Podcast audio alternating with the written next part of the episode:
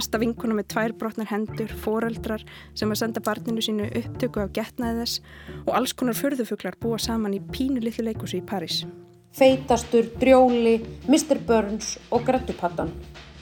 Ég er ekki vissum að launasjóður uh, listamanna muni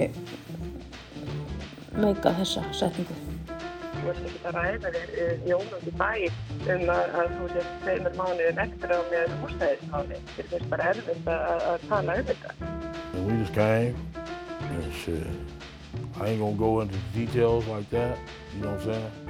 Niðurlægandi samband við Rannís, morðingi Tupac handtekinn, Riff Ríni og hjálparsými í hrauninu. Ég heiti Lóabjörg Björnstóttir Ég heiti Kristján Guðjónsson og þetta er lestinn annan oktober.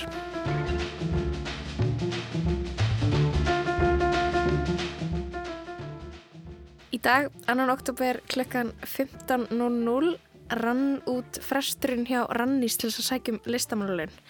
Þetta er bara vennilegur dagur fyrir flesta aðra en listamenn, það er bara mánudagur, annar oktober, vennilegt viður úti, bara ekki of kallt, ekki of hlýtt en mjög stór dagur í lífi listamanna.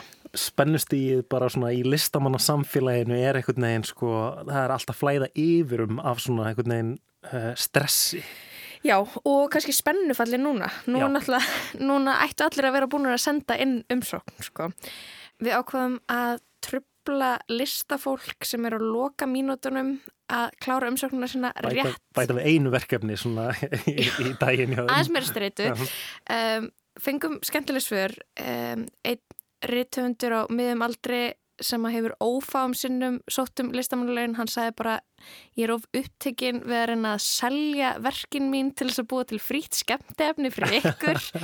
Um, annar sagði einnir rittöfundur Þetta er svo niðurlegandi samband sem að það er á við Rannís að það er erfitt að vera fyndin að tala um þetta. Þannig að hann var ekki til í að, að vera með. En það voru nokkur aðrir sem að gáttu bætsu verkefni við í dag. Við fengum að skiknast á baku tjöldin inn í umsóknarferðli til listamannalauna. 25 listamenn fá starfslaun í eitt ár, 73 fá starfslaun í hálft ár og loks má geta þess að 58 listamenn sem fengur listamannalaun áður fyrir. Það bárust 572 umsóknir en útlutanir voru um 186. 33 menn fengur nú 70.000 krónur hver og 55 35.000 krónur. En í fyrra útlutanir Það nennir engin að ræða þessu, þetta er svo útsvælt mála, það nennir engin að ræða þetta lengur. Svo ég tók þá bara til brags að gera kannski svolítið grín að því. Ég sé að ég hef skrifað hér í markkóp í einni umsókninni. Fólk frá 15 ára til 99 ára. Er ekki lægi með mig?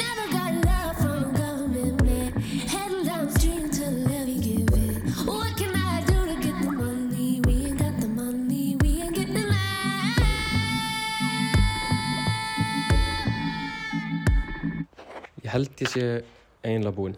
En uh, ég eftir að lesa hana yfir í síðast skipti og já, ég er fyrsta skipti. Bum, bum, bum skila inn um svo Það er ógeðslega satisfying að íta á send á svona umsóknum. Við vorum bara að klára að senda inn umsóknina, uh, sendum inn umsóknina klukkan 14.30 og fresturinn var til þrjú. Það, jú, þetta er alltaf léttir að skila umsókninni. Uh, ég fór alveg og fekk mér góðan hátteismat og svona þegar ég skilaði. Um, en ég opnaði ekki kampaðinsflösku til dæmis.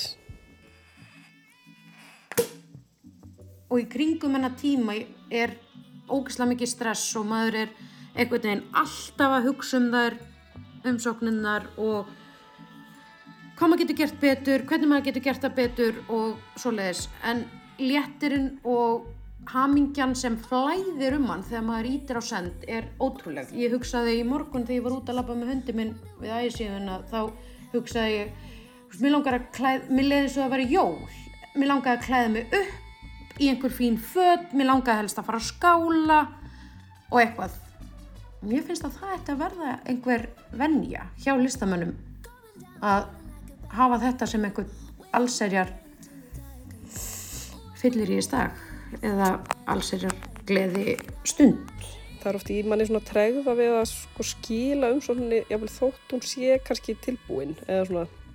Og það er kannski sko, þú veist, það er við það, bara er ég að fara að fá þetta og þá get ég bara að klára þetta sem ég er, ég er með í maðunum og þarf að koma út eða verð ég bara því að ríksöðubæklinga og eitthvað röglskilur næsta árið og það er svona pína málið fyrir okkur sem erum í harkinu svona á textaagreinum að ef við fórum ekki Írland þá er bara næsta skrif að finna nýjan ríksöðubækling til að þýða svona áður en að gerðugrindin tekur það frá, frá manni.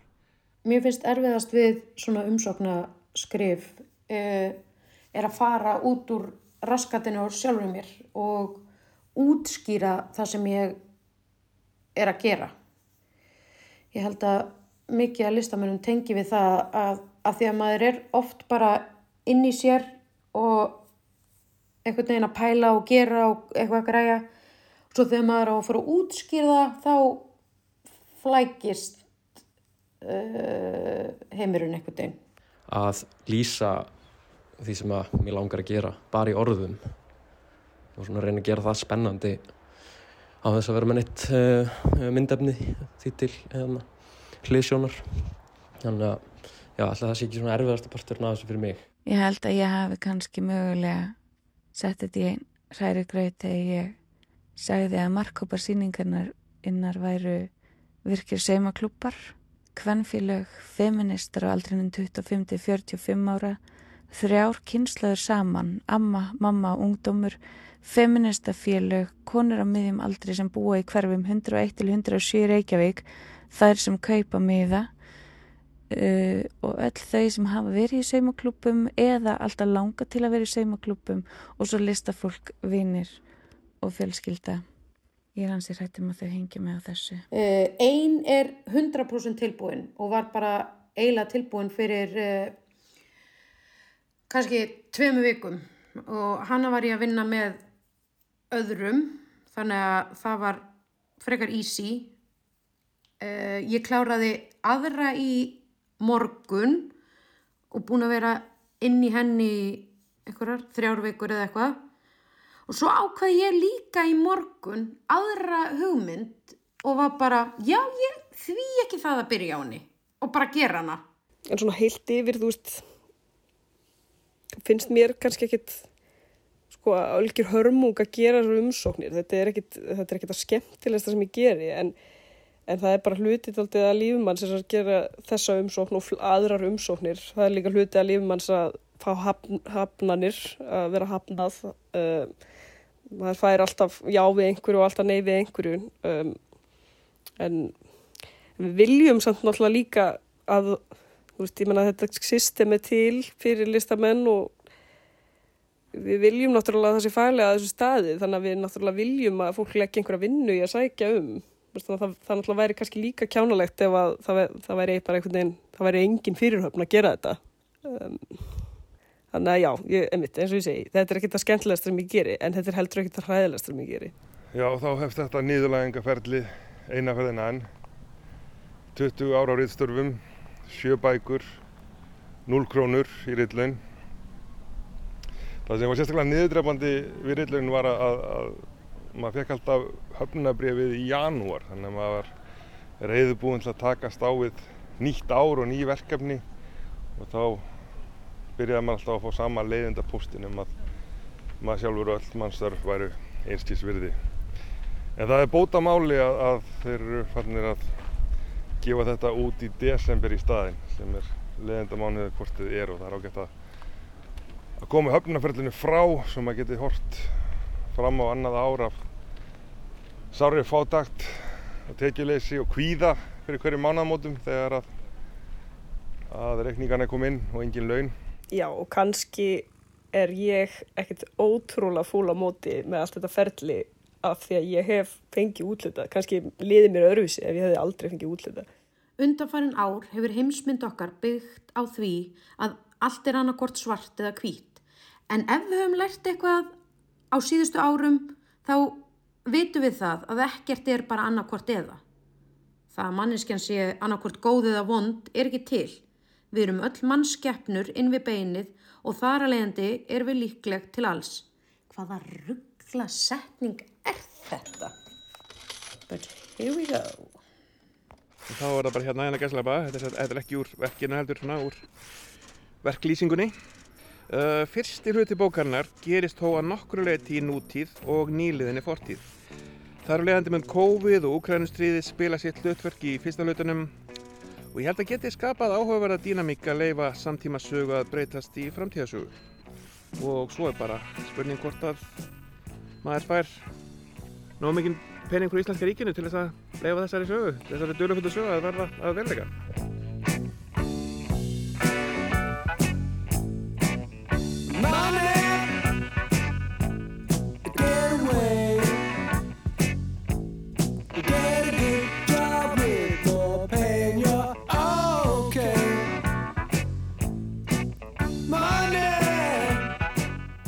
Er að nefna nokkuð gælunöfn sem festust á úlingum á þessum tíma, til dæmis Brundís, Svampaskíturinn, Skaufi, Tvíti, Ófríður, Fiskipíkan, Feitastur, Drjóli, Mr. Burns og Grettupattan. Ég er ekki vissum að launasjóður uh, listamanna muni meika þessa setningu. Eða hvað? Þetta er bara brota-brota því sem hægt er að skrifa um og miljón aðra hluti sem hægt er að fara að skoða. Sem hægt er að skoða og fara í kjarnan á. Ég held að þetta sé heldur ekki setning. Ég opnaði bara skjalið og fyrsta sem blasir við mér hérna er þegar allt kemur til alls mun þetta ebla sálrana dýft textans og strömlínulega allt verki. Já, þetta er mitt lofurð þetta getur orðið mjög svona mjög svona óáþreifanlegt mjög fljótt, veist, við vorum alveg komin með bara eitthvað gagvirk, föst, listræn innsetning eitthvað bla bla eitthvað, eitthvað svona og þá þarf maður að vera bara eitthvað svona ok, hvað samt er þetta í alvörni hvað vitum við? Hvaða ákvarðanir getum við tekið einhvern veginn núna? Mm, þannig að það sé skýrt og að við séum, þú veist, einlæg einhvern veginn í því að segja bara um, þetta er bara opið, eða þetta er, þetta er listrænt ferli en hér er það sem við ætlum að vinna með og við ætlum að vinna með það svona. Mér líður ágætlega, mér er létt, mjög svo þungu fargja mig létt. En líka mjög þreytt og eiginlega halv óglatta svefleysi.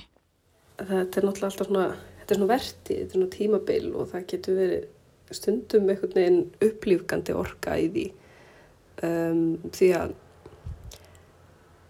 það er stundum einhvern veginn að vera að skapa er stundum eins og að vera einhvern veginn í kafbáti á hafsbótni hvort sem þú ert í sko hóp eða bara einn að það er svona veist, við erum kollegar, við erum einhvern veginn í sama geiranum en við erum einhvern veginn öll í sikkur vinnunni. En þegar við erum að gera umsóknina þá erum við öll bara kollegar, þá erum við öll bara í sömu vinnu einhvern veginn og það getur verið stundum svona, svona uppörfandi hluti af annars svona ekkert ræðilega skemmtileg tímbili. En það var við um þetta ár og í næsta á öll hinn að maður lætur enga rillunanemnd stöða sig að skrifa.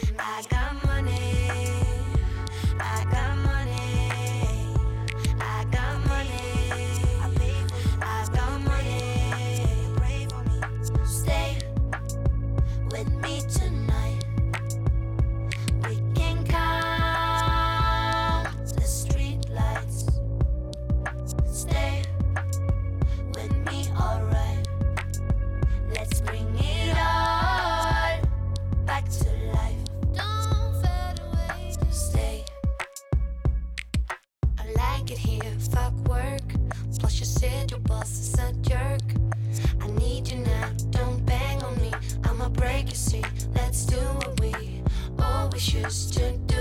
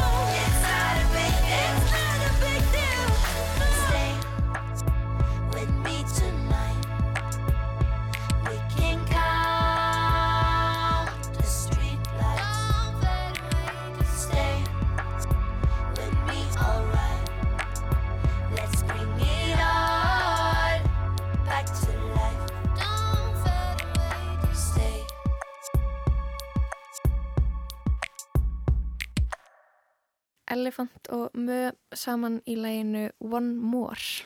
Já, við skulum taka það fram að, að uh, þarna voru allir listamenninni nafnlausir til þess að það myndi ekki hafa áhrif á umsóknir þeirra til listamannalauna en við breytum ekki röttunum um, þannig að þeir kannski þekkjast einhverjir. En við ætlum að snú okkur að öðru, við ætlum að snú okkur að um, já, fullgerðum listaverkum, ekki bara umsóknum um styrki til gerðar listaverka. Um, við ætlum að fara yfir á RIF.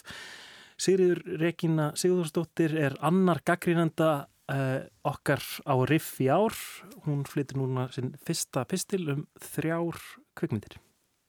Nú er Riff, alþjóðlega kvikmyndaháttíð Reykjavík hafinn og ég er búin að setja mig í gýrin. Ég er búin að fara í gegnum bæklingin, lesa mig til, taka það á innsænu og lesa millir línuna hvort að myndinni eftir að reyfa við mér og kannski svala þostanum fyrir goða kvikmyndir. Ég er búin að merkja myndir með stórri stjórnu, ef mér langar mikið að sjá þær, lítillu stjórnu, ef mér langar smá, undirstrykaður eða vera áhugaverðar og setja lítinn ring ef ég held að séu svona myndir sem að fólk vil sjá og ég ætti kannski líka félagslegu þrýstingur. Ég bý til tíma í dagskránum minni og kíki hvað er bóði. Ég drými í bíó. Ég ætla að segja ykkur frá þreymir myndum sem ég er búin að sjá. Í þetta sinn er myndlist kannski eitthvað skonar þema en það eru tvö portrétt af listamennum og einn sem mætti kannski kalla portrétt af listaverki. Eina fyrstu myndunum sem ég sá var Queendom. Þar bar fyrir augu furðivera, fallegi gimvera, senomorfi eins og út úr kremasturverkum Matthew Barney sem riksar um á risahælum í smábæ í Rúslandi, klöngrast í neðanjarnarlast í Moskvu, svífur um torkin og hverfur í mannhaf á skemmtistað, stingur alltaf í stúf við umhverfið. Queendom er heimildamind í leikstjórn Agníu Galdanófu sem fjallar um rúsnesku kynsegin listakonuna Jennu. Hún notar framandi gerfi sem augra kynhlutverkum í gjörningalist sem í dag er orðin ólögleg í heimalandinu, Rúslandi Pútins. Í gjörningunum er fegurð og framandleiki en stundum líka djúb sorg.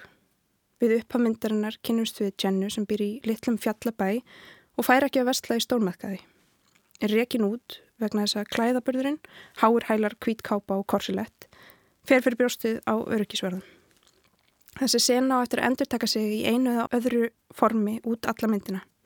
En eftir því sem líður á verður förðuveran að því sem er eðlilegt á meðan kaldranalegt umhverfið verður framhandlegt. Fallífa hermenn með bláar húfur virðast vera í meiri búning en stóri gangandi skúltúrin sem mætir þeim. Skúlturinn gerir yfirleitt lítið annað en á göttum úti en að ganga og stilla sér tígulega upp á meðan vekkfarandur óta aðinni símum og taka myndir og stundum verða símatni nánast aggressífir í höndum þessar fólks. Þeim er veifað nær og nær og þrátt fyrir að Jenna sé áallt tegnaleg finnum við að hún kemst alltaf undan. Það verður til valdabarata á milli listaverksins og áhórvendans og í sannleikra sagt var ég í raun með hjartaði buksunum alla myndina. Ég er ekki einum það, ótti kraumar undir og Jenna fær ítrekkað að heyra það að hún eigi að vera venjulegur karlmaður til þess að gera sér lífið auðveldara og örugara. Í þau skipti sem Jenna klæðir sig eins og afinnar fyrir farum á, þá fann maður fyrir því hvað fötun voru enkennileg utan á líkamennar. Hún sóma sér best í hælum og pilsi og þá lekur líka af henni þokkin og sjálfströsti. Við tölum um að það sé bakslag á Íslandi en í þessari mynd ber að líta baráttu mannesku á einum hættulegustu slóðum fyrir kynsegin fólk. Myndavillin fangar drunga umhverfisins og tjáur af kostgefni með hjálp velmótað sljómheims. Myndin gerist í skugga yfirvóandi innrásar Rúslandshers í Úgrænu, hættulegra mótmæla, herrkvaðningu ungs fólks og stegmagnandi ofbeldis í garðin kynsegin og hinsegin fólks. En samt er það sem sittur eftir hjá mér aðdáin miklu frekar en ótti eða sorg. Mér finnst ég hafa kynst Jenny nokkuð vel en mér grunaði ekki hvað ég myndi upplifa mikla nánd í næstu mynd. Þegar kvikmyndagerðaneminn Lea Klopp mælti sér fyrst mót við listakonuna Apollóniu Sokol um að gera af henni kvikmyndaportrætt sem skólaverkefni gaf Apollónia henni leiðbenningar að íbúinu sinni og saði henni að standa fyrir neðan klukkan og kalla nafnsett tvísvar. Apollónia, Apollónia. Það myndi hún kasta niður liklinum. Þaðan kemur titillmyndirnar Apollonia, Apollonia. En verkefnið átti eftir að tegja sig verulega. Lega Glob var partur af lífi Apollonia og hjælt áfram gerð kvikmyndarinnar í heil 13 ár. Myndin er djúb, falleg og persónuleg frásögn af rúmum áratug í lífi tvekja kvenna og þegar ég gekk út leið mér eins og ég hefði eignast vinkonu í þessari mögnuðu fransk, pólsk, dönsku listakonu. Ég var með henni í sorgumennar og sigurum en um leið kynntist í leikstjórunum sem varð að personu í myndinni sjálf. Sagan er sögð með hennar röttu og samband kvennana er miðlagt í frásögninni. Apollonia lifir og hærist í einhvers konar töfrakendum leikursheimi fullum af skondnum personum þegar kveikmyndin hefst en hún er alin upp í litlu fransku leikúsi. Umgjörðin er satt að segja eins og upp úr kvikmynd eftir Jean-Pierre Junet. Besta vinkuna með tvær brotnar hendur, foreldrar sem að senda barninu sínu upptöku á getnaði þess og alls konar förðufuglar búa saman í pínu litlu leikúsi í París. En myndin gefur um leið insinn í listheim sem er flókin og oft torfær fyrir ungt listafólk. Apollonia þarf að finna jafnvægi á millið þessa stundalistina og þóknast neytendum listarinnar eða flörta við businessin eins og hún kallar það. Hún verður að komast á kortið en hún má ekki verða framleitt söluvara. Hún kemst í tæri við kapitíliskan listmarkað bandaríkjana þar sem auðjörfrar verða patrónar ungs listafólks en einhvern veginn arðræningar þeirra um leið. En Apollonia verður ekki tamin af karlægum gaggrínisröttum eða heftandi umhverfi. Hún segist ekki vilja vera með líkama eða kyn þegar hún skapar en hún sættir sig við að þrjá fingur til að mála og eftirstendur að hvenn líkaminn verður að valdeflandi og frensandi verkfæri bæði í listsköpun og aktivisma. En myndin er líka spennandi og atbúnarásinn ófyrirsánleg. Hvernig vegnar þessari ungu konu og hennar vinum? Á 13 árum gerist ótal margt gleðilegt og sumt átakanlegt og ég var með tárun í augunum lungu eftir að myndi var búin. Fyrir bíógæsti sem að langar að færi sig aðeins lengra inn í listina, fá smá plást til að anda, sleppa takinu og kveikja á öðrum heilastöðum, er tilvalið að líta inn á myndina Mannvirki eftir Gustaf Geirbollarsson. Öfugtu myndina tvær hér á undan er hún eiginlega portrætt af listaverkinu sjálfu en ekki listamanninu. Það er eiginlega orðið óþróndi þegar fólk segir að umhverfið sé persóna í kvikmynd en í mannverki eru húsarústir í raun og veru aðal persóna myndarinnar. Rústinnar hafa veðrast og náttúran verkar á hvern kema húsins. Mannfólkið sem ber fyrir sjónir inni og ofan á mannverkinu eru aukapersonur sem þjóna skúldurnum. Þau færa til, raða, skapa, skrapa, pússa, spröyta, sjóða, vökva og mannverkið mótast í höndum þeirra. Allar gjörðir þeirra, allir gjörningarnir virðast hver og einn hafa mjög skýran tilgang. Dekki, rúlað og sprungur vökuðar, allt er gert af nákvæmni og aðlúð. Tráttur að vera úr harðri steipu og hjárni en mannvirkið mótanlegt og mjúkt, viðsvegar þakkið skófum og einhvern veginn allt blöytt. Struktúrin er í návíi við hafið og hér og þar eru potlar og förðulegir gósbrunnar. Jafnvel þegar veturinn tekur yfir drýpur á grílukertum og undir frosnu yfirlægi er vatnið ennþá að býða vorsins. Mismunandi lífriki byrtast og breytast, kvalir spúa, bífluga læðistum og eina samtal kvikmyndarinnar á sér staða millir manns og hrafns sem krunga hvort annan. Lífið heldur áfram og mannvirkið er mótað því breytt og það aðlagað að þörfum umhverfisins. Myndin er ljóð í sjálfu sér en það er líka kryttað með ljóðlínum. Myndin myndi mig á gamla tilfinningu þegar ég var lítil og stóð í fjörunni á gamlum bátateinum eða horfið á öldurnar í götunum á stóri brotnu steipurhöri. Ég var að virða fyrir mér skuldurinn í mótun. Lengtur ofurkraftur kvikmyndumilsins er að sína ferli og framvindu án þess að þurfa að hafa um það mörg orð. Og mannverki magnar einmitt þannan galdur. En, nú er komin tími til að ég mig aftur í bíó. Ég laka til að segja eitthvað frá því á miðugudaginn.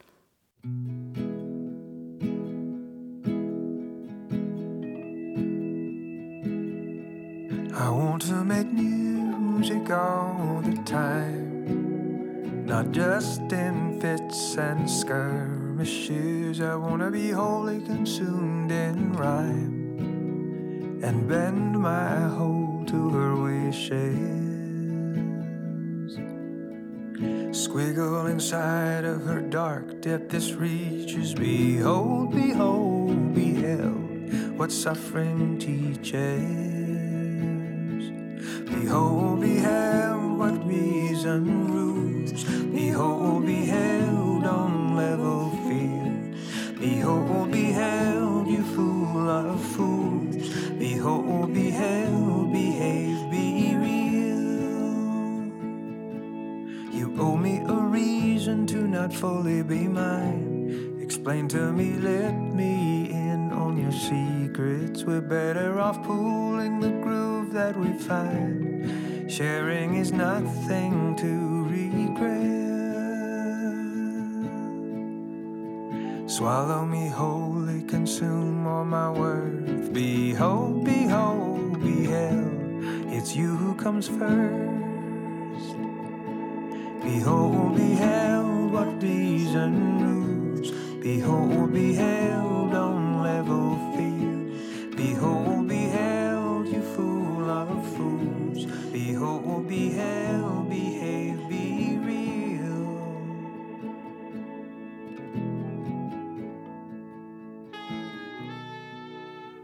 Þetta er Bonnie Prince Billy, lægið Behold, Beheld af nýri plötu hans Keeping Secrets Will Destroy You.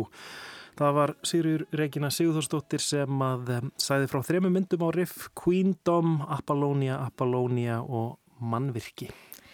Við ætlum að fara úr háskóla bíói og aftur í tíman að hruninu. Uh, við ætlum að halda fram að rifja upp hrunið í þáttum sem að þau Þorgerður E. Sigurðardóttir og Guðni Tómasson byggu til ára 2018 í tilöfni 10 ára amaleg hrunsins. Við erum komin í sjötta þátt af átta í seríunni nokkrir dagar í frálsufalli.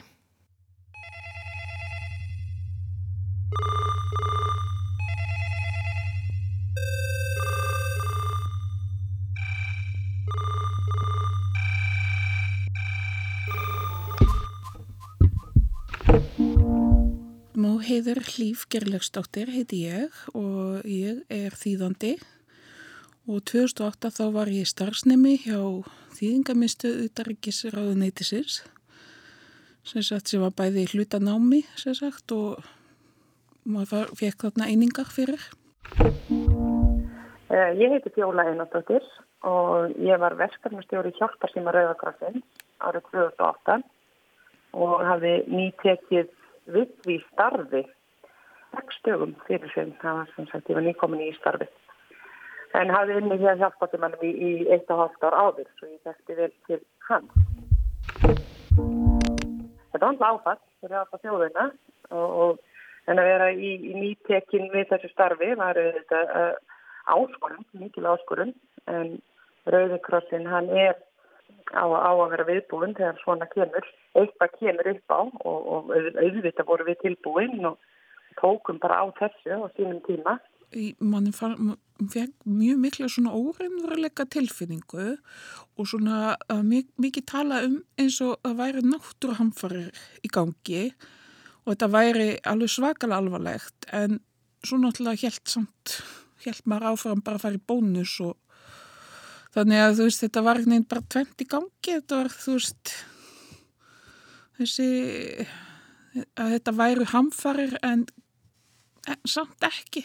Þannig lók september erum við að taka inn nýja sjálfbóðanlega fyrir uh, hjálparsinnan og erum, við gerum það á haustin þannig að vorum við nýbúin að halda mjög stórt námski svo að þetta betur fyrr uh, og hjálparsýminn hann var bara mjög vel mannar og mjög öflugur þetta voru um, það voru um 100 sjálfbóðlegar sem við vorum með og þarna á þessum tíma erum við komin erum við búin að finna fyrir mikilvæg aukningu á símtölum með að við sko frá árinu áður og ef ég rýni gamla tölur að þá var þetta 40% aukning þannig í oktober og nóvember 2008 versus 2007.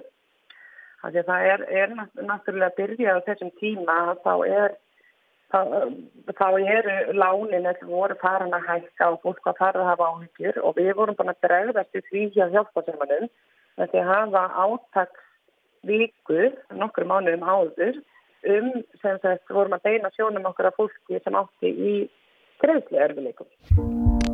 Þegar þetta áfall sem sagt rýður yfir að þá hugsiðum við náttúrulega ok, hvað þurfum við að gera meira? Við vorum vel mönnu en við ákveðum að það er verið að halda tvö sjálfbóðaliða námskeið árið að þá myndum við bæta við auka námskeiðum til að vera ennþá betur í stakk búinn að taka mótið þessu og þetta það, það síndi sig að þörfin var, hún var mikil. Já, sér sagt, svo sér sagt verður hrun og hérna það var eiginlega bara hóað í alla þýðunduna. Bara allir á því sviði voru fengnir í einhvers konar svörunar herbergi að því að það náttúrulega rúaðist inn póstur og, og símtöl og alls konar þangað. Og þá voru við bara fengin í það. Og hérna þetta var svona örgla kannski ekkit bent úthugsað til að byrja með heldur bara viðbröð við miklu álægi. Við þurfum alltaf að taka mótið í óvænta og þetta var efnahagskreppa, þú veist, þetta bjórstengin við þessu rosa falli þarna, eða hrunni, á þessum sama tíma þá erum við náttúrulega sam, samvinni við um, yfirvöld um þetta og ég manna eftir því að sko yfirvækisraðaniti og það sett upp síma við hjá sér og upplýsingarleistu bara á grundvelli neyður áætlum raðunitisins. Við unnum svolítið saman að við vísum á þau síðan höldum við áfram með þessa vinnu þarna eftir, eftir hrunið. Að þá höldum við áfram með þessum ok, uh, við erum að fá uh, öll þessi símtöl uh, við erum að reyna að benda á úrræði. Nú þurfum við bara að taka saman handbók um þau úrræði sem eru bóði og í kjálfari fyrir vinnan á stað að, að opna sem sagt deildir líka fyrir svona samrænum stuðning fyrir fólki í þessum manda að við vorum alltaf líka að horfa til sko finnsku efnaðskreppunar á tíunda áratögnum og svona langtíma áhrifa eftir hann og við viljum ekki, við viljum alltaf alls ekki að, að, að við sjáum það eftir 20-30 ár, þú veist, sama gerast fyrir okkur. Þetta var náttúrulega líka sko, við vorum, þetta var, við vorum náttúrulega allir byrjandur á þessu, í þessu ákveðna dæmi, þú veist, það svo var náttúrulega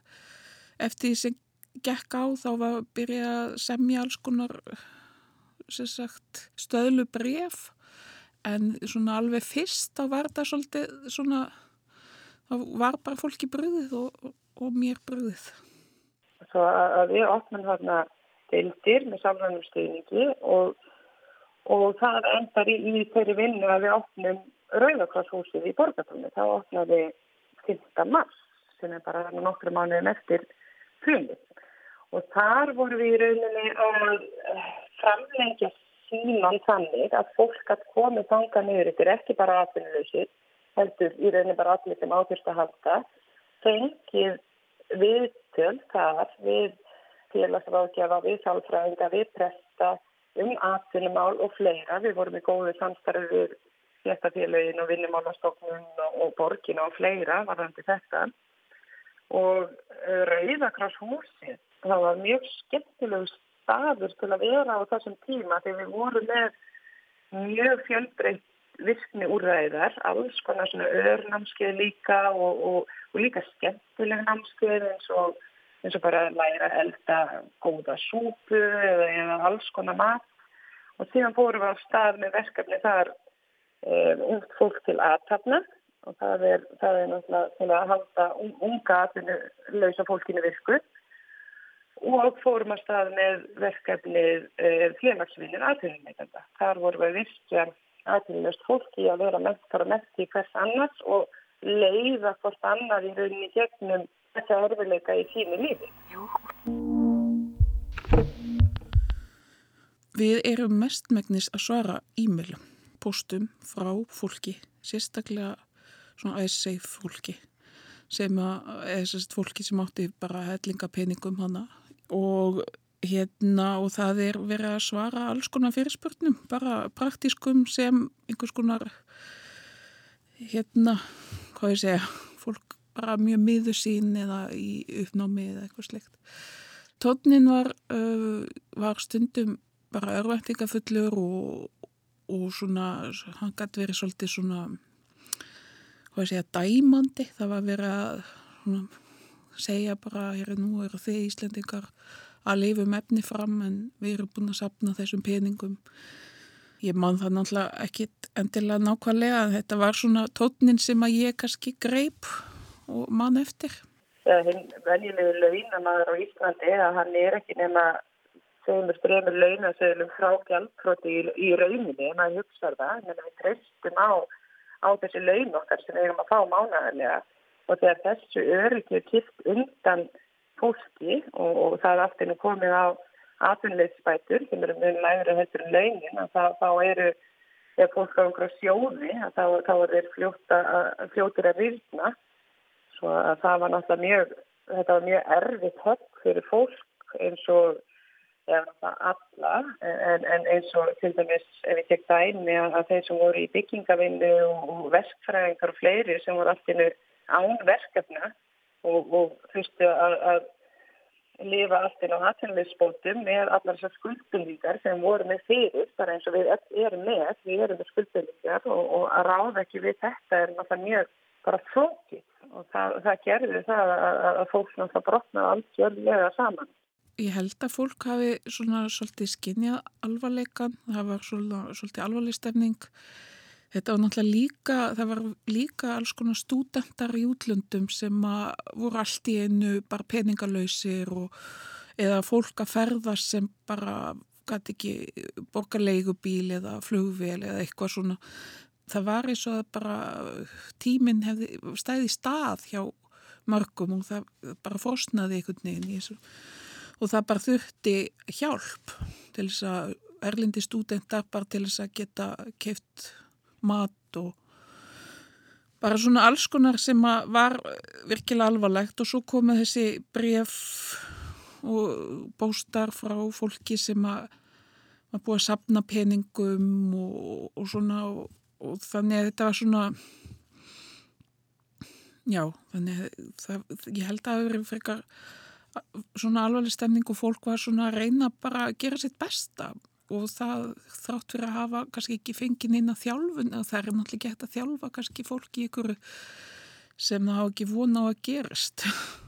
Fjármál eru líka, eru viðkvæmi hlutir uh, fyrir fólk að ræða. Þú ert ekki að ræða við jónandi bæ um að, að þú sést tveimur mánuðin eftir á með húsnæðismáni. Þeir finnst bara erfitt að, að tala um þetta. Þetta var bara pínu svona sjokk.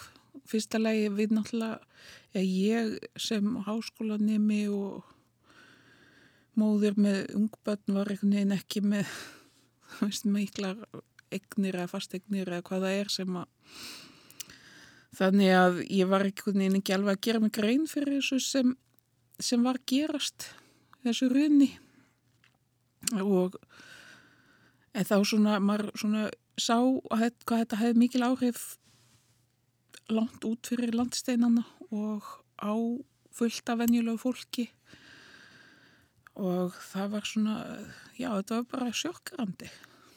Já, manni fannst svolítið svona að vera sko að dæma heila þjóð þarna fyrir kannski svona banka klúður.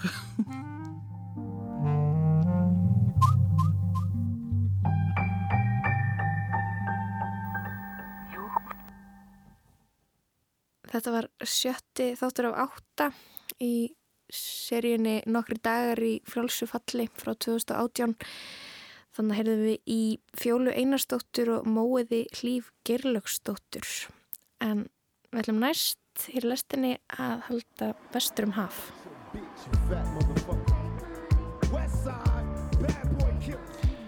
Las Vegas, 7. september 1996. Klukkan er kortir yfir 11 að kvöldi. Svartur luxus BMW stöðvar á rauðu ljósi. Í aftursætinu er einn frægasti tónlistamæður heims. Hann er í borginni að fylgjast með nefalega bardaga heimsmeistarans Mike Tyson fyrir um kvöldið. Nú er hann á leið á skemmtistað til að leika nokkur lög fyrir gesti en það hefur nýjasta platta hans sem kom út fyrir þessu ári, All Eyes on Me, notið gríðarlegra vinselda. Í framsætti bílsins er útgefendi hans, Shug Knight, eigandi Death Row plötu útgáðunar.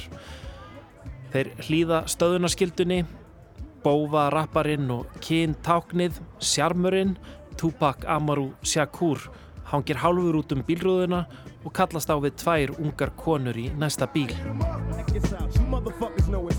Annað aukutæki keirir upp hinum einn við bimmann, þetta er hvítur Cadillac.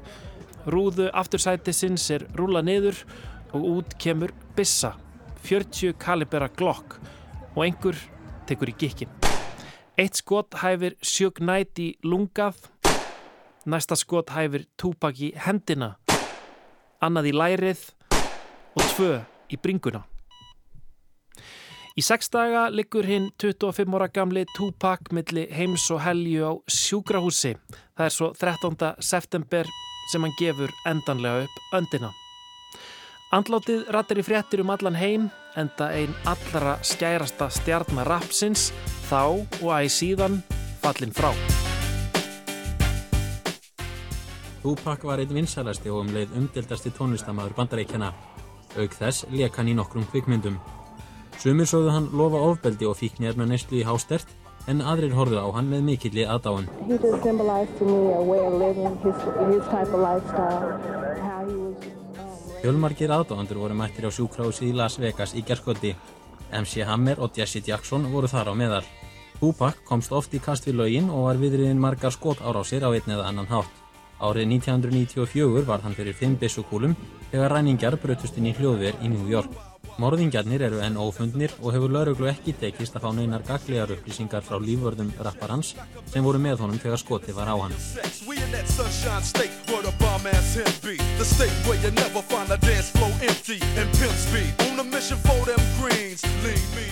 Morðið á Tupac hefur verið eitt þekktasta óleista sakamál síðar í tíma. Leiknar bíómyndir, heimildamindir og hlaðvörp hafa farið í saumana á málinu og kenningar um það hafa verið margar og mis langsóttar. Morðið hefur oftar en ekki verið sett í samhengi við deilur rappara af vestur og austuströnd bandaríkjana. Tupac var sá frægasti að vestan en aðeins hálfa ári síðar hafði sá stæsti af austuströndinni Biggie Smalls, The Notorious B.I.G. verið myrtur líka 24 ára gamall. Voru þetta átök glæpagengja, já eða voru þetta útgefundurnir Suge Knight og P. Diddy sem að báru ábyrðina?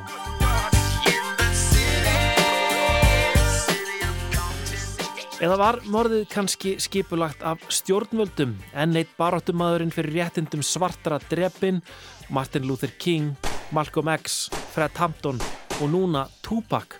Já en það var hann ekki bara ofbeldisfullur bófi, heldur snjall og hápolítískur en það sonur Afeni Shakur, aktivista og eins liðsmanns svörtu hliabarðana Black Panthers.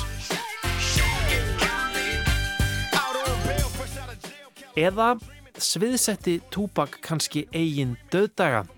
Þetta er fyrðulega lífsæg kenning og kannski skiljanlega. Það er margt undarlegt í málinu til að mynda hvað lögreglur rannsókninni hefur miðað hægt og gengið ítla. Kannski er það vegna rasisma innan lögreglunar eða kannski vegna einhverja annarlegra hagsmuna. Rög samsæriskenninga smiðana eru ímis konar, þeir tala um lauruglumenn sem að hættu við rannsóknina, þeir vitna í heimildamann sem saði Tupac hafi verið bara nokkuð hressan þarna á spítalunum eftir skotárusuna. Þeir benda á að hætta hefur verið við minningaratöfn með opinni kistu á síðustu stundu og að þegar jarneskar leifar Tupacs hafi verið brendar hafi hæð og þyngd líksins ekki verið það sama og í aukuskirtinni rapparans. Já, þeir benda á leint skilabóð í síðustu lögumanns sem virðast gefa til kynna að hann hafi ætlað að sviðsita döða sinn og Suge Knight hefur meiri segja viðkjönd að Tupac hafi kastað fram þeirri hugmynd. Reglulega skjóta svo upp kollinum ljósmyndir sem eiga sína Tupac í hinn og þessu vafstri hér og þar um heiminn. Já, og einhverjir vitna svo í texta tónlistamannsins Casanova the Dawn sem þykir hafa rödd og flæði sem minnir meira en óþægilega mikið á Tupac og textarnir virðast jáfnvel gefa þessum kenningum undir fótinn.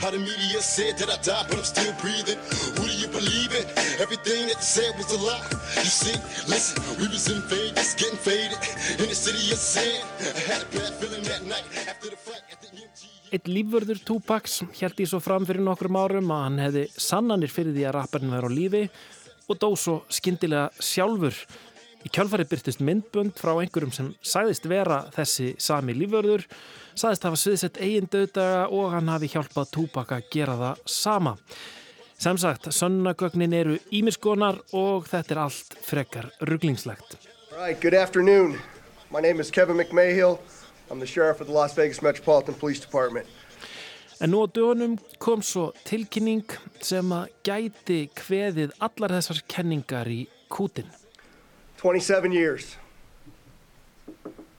27 years. For 27 years, the family of Tupac Shakur has been waiting for justice.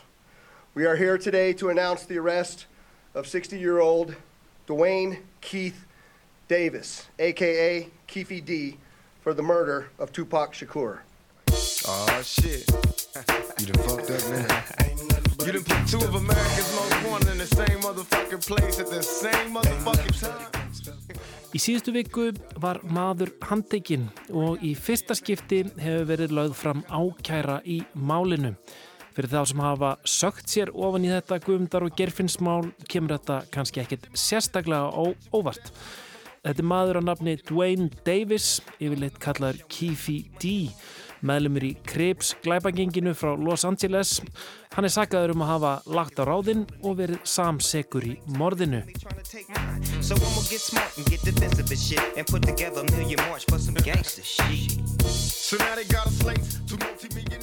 Í um 20 ár hefur þetta þótt líklegasta atbyrðarásinn. Fyrir sama kvöld hafði meðlimur glæpagengisins Crips Orlando Anderson lendi stappi við Tupac og félaga inn á MGM Grand Hotelinu. Öryggismyndavilar sína plötu útgefandan Shug Knight og aðra úr fylgdaliði Tupacs ganga í skrokk á Anderson. En Death Row plötu útgáfan var nátengt öðru LA glæpagengi Bloods, erkjófinum Southside Crips. Eftir atvikið virðist Anderson hafa farið og hitt frænda sinn, Keefe D og fleiri. Og Keefe D virðist hafa lagt á ráðinn um að þeir skildu hefna sín. Mögulega spilað inn í að þeir höfðu heyrt að annar plötu útgefandi og tónlistamöður, P. Diddy, hefði sett eina miljón dollara til höfuðs Tupac. Mögulega vegna þess að félagi P. Diddy rettaði þeim bissu eða kannski voru þeir bara brjálaður út af niðurlægingunni á hótelinu. En það er allavega ljóst að fjórin menn settust um borð í kvítan Cadillac með Glock skambissu í hanskahólfinu og svo duttu þeir í lukkupottin þegar þeir rákust á bíl rapparans fyrir tilviljun á rauðu ljósi. So what happens next? And we just came and shit. I ain't gonna go into the details like that, you know what I'm saying? But uh, you know, you got it in a book. You, you done played it everything else, you know what I'm saying?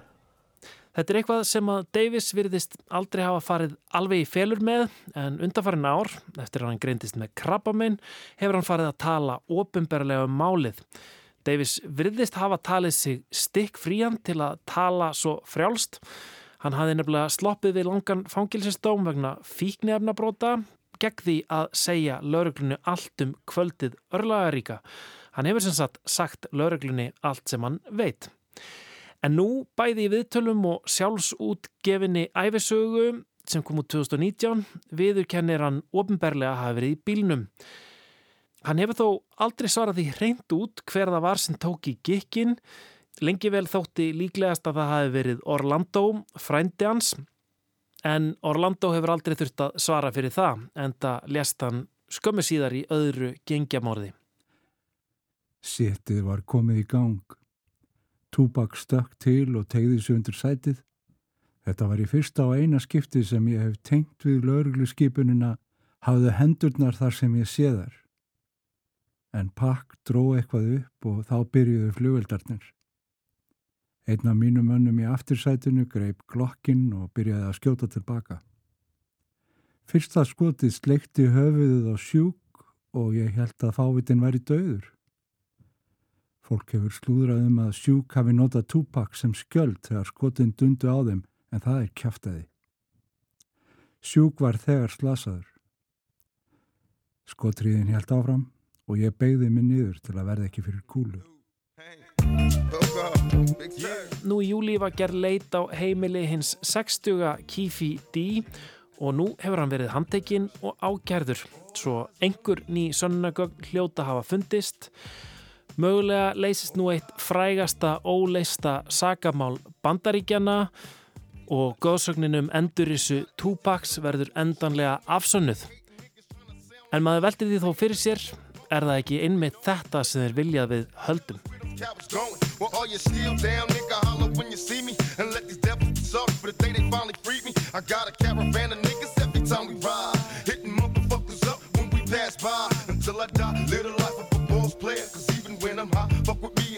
later. The future's in my eyes. Cause all I want is cash and things. A five double O, bands wanting flashy rings. Uh, bitches pursue me like a dream. Been known to disappear before your eyes. It's like a dope thing. It seems my main thing was to be major. Paid the game sharper than the motherfucking razor blade. Save money, bring bitches. Bitches bring lies. One nigga's getting jealous and motherfuckers die. Depend on me like the first and 15. They might hold me for a second, but these punks won't get me. We got four niggas and low riders and ski masks screaming thug life. Every time they pass, all eyes on me. Live the life of a thug nigga until the day I die. Live the life of a boss player. All eyes on me. Við ljúkum lestin í dag á þessu lægi með Tupac All Eyes on Me Ice skrifa með setu eins og þótti cool í þá daga árið 1996 Já, við Kristján og Lóa verðum inn aftur á sama tíma á mánudag tæknum þar í dag var Kormákur Marðarsson Við heyrjumst á morgun nobody feel your pain. The world's changing every day. Time's moving fast. My girl said I need a race. How long will she last? I'm caught between my woman and my pistol and my chips. Triple beam, got some smokers on, whistle as I dip. I'm lost in the land with no plan, living life flawless. Crime boss, contraband, let me toss this. Mediocre's got a lot of nerve, let my bucket swerve. I'm taking off from the curve. The nervousness, neglect made me pack a tech. Devoted to serving this, my wet and paid checks. Like a kite satellite, nigga, I'm forever ballin'. It ain't right, parasites, triggers, and fleas crawling. Sucker duck and get busted, no emotion. My devotion is handling my business, nigga, and keep on coasting. Where you going? I've been there, came back, it's lonely, homie. Steady flowing against the grain, niggas still don't know me. It's about the money and this rap shit, this crap shit. It ain't funny, niggas don't even know how to act shit. What can I do? What can I say? Is there another way? Blunts gin all day, 24 parlay. My little can't you see I'm buster free? Niggas can't stand me, all eyes on me. Live life as a thug nigga until the day I die. Live life as a boss play. All eyes